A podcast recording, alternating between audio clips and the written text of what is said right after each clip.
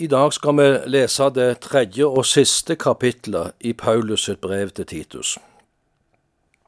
Titus hadde fått en krevende oppgave på Kreta. Han skulle veilede de kristne menighetene på øya.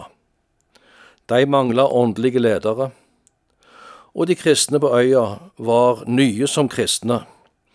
Det var viktig at de fikk tydelig og god undervisning og forkynnelse i den sunne lære.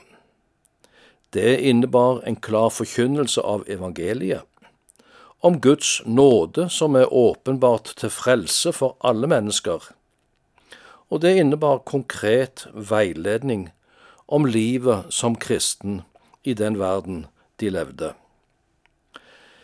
Kapittel tre, som vi skal lese sammen nå, starter med å formane de kristne om å være lydige samfunnsborgere og gode medmennesker. Etter det kommer det noe som ligner en salme, en hymne, om Guds kjærlighet og frelse. Vi leser først versene 1 til 7. Du skal minne dem om å underordne seg styresmaktene og myndighetene, rette seg etter dem og være villige til å gjøre alt som er godt. De må ikke snakke stygt om andre eller yppe til strid, men være forsonlige og vise ydmykhet mot alle mennesker. For vi var selv en gang uforstandige og ulydige, vi for vill og var slaver av alle slags begjær og lyster. Vi levde i ondskap og misunnelse, ble hatet og hatet hverandre. Men det ble åpenbart hvor god vår Gud og Frelser er, og at Han elsker menneskene. Han frelste oss, ikke på grunn av våre rettferdige gjerninger, men fordi Han er barmhjertig. Han frelste oss ved badet som gjenføder og fornyer ved Den hellige ånd. Som Han så rikelig har øst ut over oss ved Jesus Kristus, vår Frelser, så vi skulle bli rettferdige ved Hans nåde og bli arvinger til det evige liv som er vårt håp. Hva betyr det når Paulus sier til de kristne at de skal underordne seg styresmaktene og myndighetene? Styresmaktene representerer en myndighet som er innsatt av Gud i samfunnslivet. Deres oppgave er å styre og lede, fastsette lover og opprettholde ro og orden i et samfunn. Og en kristen oppfordres til å finne sin plass i samfunnslivet og være en god samfunnsborger og underordne seg lov og rett. Det gjelder innenfor det myndighetsområdet som styresmaktene har. Og Jesus sa òg noe om dette når han sa at vi skulle gi keiseren hva keiserens er, og Gud var Guds er. Og hva er det som hører Gud til, da? Jo, Bibelen er tydelig på det. Gud sier, gi meg ditt hjerte. Det betyr at det som gjelder vår tro, vår overbevisning, vår samvittighet, tilhører Gud alene. Det kan ikke et lands styresmakter gjøre krav på for da tiltar de seg en myndighet de etter Guds ord ikke har fått. Gjør de det, kan en kristen ikke lenger være lydig. Men innenfor det som er styresmaktene sin myndighet, skal en kristen underordne seg. Være en god samfunnsborger som betaler sin skatt, som utøver sitt yrke og som er med på å bygge samfunnet som gode samfunnsborgere og gode medmennesker. Og i vers to så uttrykkes det med disse ord.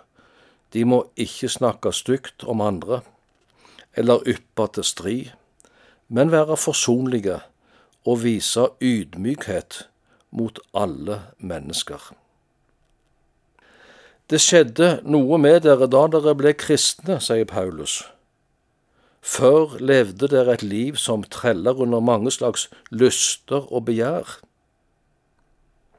Men så fikk det et møte med Guds kjærlighet og frelse.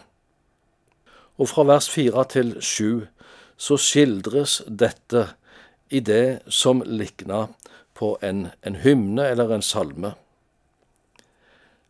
En salme om hvor god vår Gud og Frelser er, og at han elsker menneskene. Han frelste oss, ikke på grunn av noe i oss. Nei, han elska oss mens vi ennå var syndere, står det i Bibelen. Han frelste oss fordi han er barmhjertig. Ja, hvordan skjedde det? Jo, han frelste oss ved badet som gjenføder og fornyer ved Den hellige ånd. Her er det tydeligvis en henvisning til dåpen. Dåpen og Guds ord er nådemidler som gjenføder mennesker som kommer til tro på Jesus. En får del i det nye liv. De som hørte Peter tale første pinsedag, det står at de fikk et stikk i hjertet, og så spurte de, hva skal vi gjøre? Jo, sa Peter, omvend dere, og la dere døpe på Jesu Kristi navn, til syndenes forlatelse. Så skal dere få Den hellige ånds gave. Å bli en kristen innebærer to viktige sannheter som nevnes i denne hymnen. Det ene handler om en domshandling utenfor oss, og det andre om noe som skjer i oss. Utenfor oss vi blir erklært rettferdige for Gud ved tro og ved Hans nåde alene.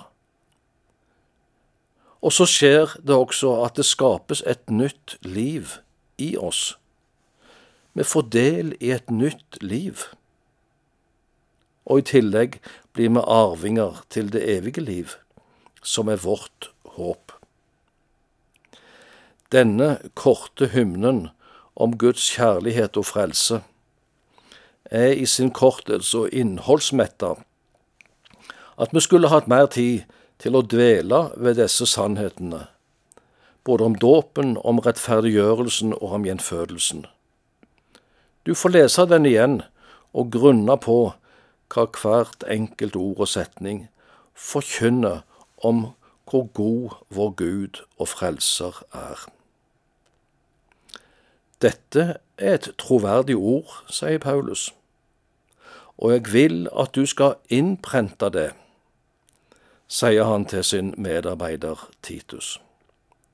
Da er vi over i neste avsnitt, og vi leser resten av kapittelet fra vers 8 til 15.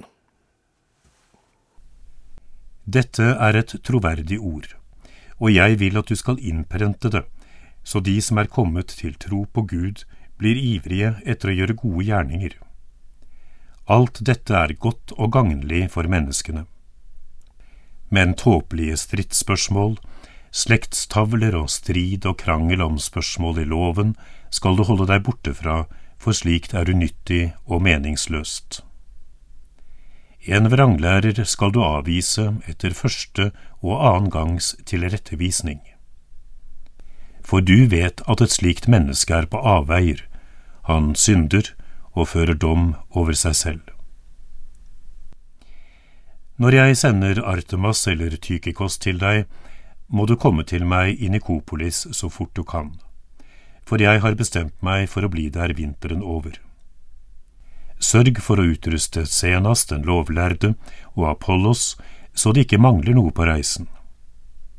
Også våre egne folk må lære å gjøre gode gjerninger og hjelpe der det trengs, så deres liv ikke skal være uten frukt. Alle her hos meg hilser deg. Hils alle som i troen elsker oss. Nåden være med dere alle.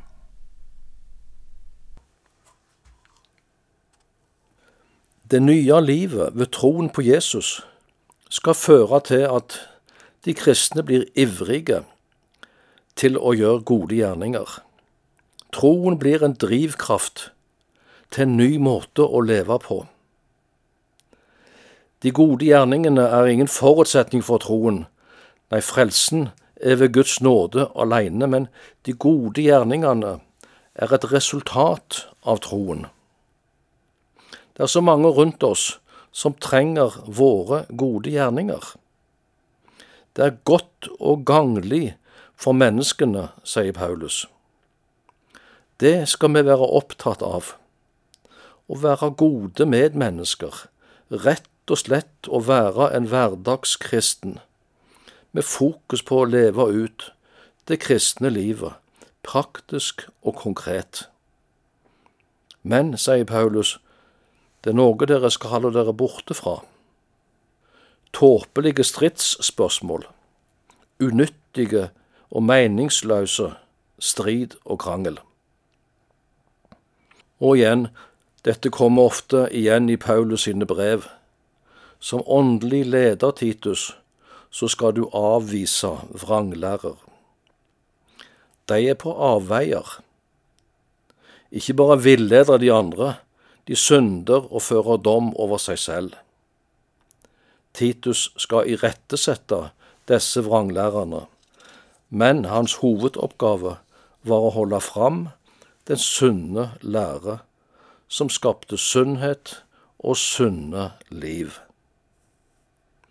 Til slutt, i dette kapitlet, har Paulus noen praktiske formaninger angående noen av sine medarbeidere. Han ene heter Artemas. Han vet, vet vi ikke mer om enn det som står her. Men den neste som nevnes, Tykikos, vet vi litt om. Paulus kaller han et annet sted for en tro tjener og medarbeider i Herren. Han var sammen med Paulus da han reiste til Jerusalem med pengegaven fra menighetene i Hellas. Han var også budbringer for Paulus da han satt i fangenskap i Roma. Han overleverte brevene til menighetene i Efesus, Kolosseum og brevet til Filemon. Og nå ville Paulus sende Tykikos Eh, til Kreta for å avløse Titus. For Paulus ville treffe Titus i en by som heter Nikopolis, en by ved østkysten av Hellas ved Adriaterhavet. To andre medarbeidere nevnes òg, en som heter Senas og Apollos.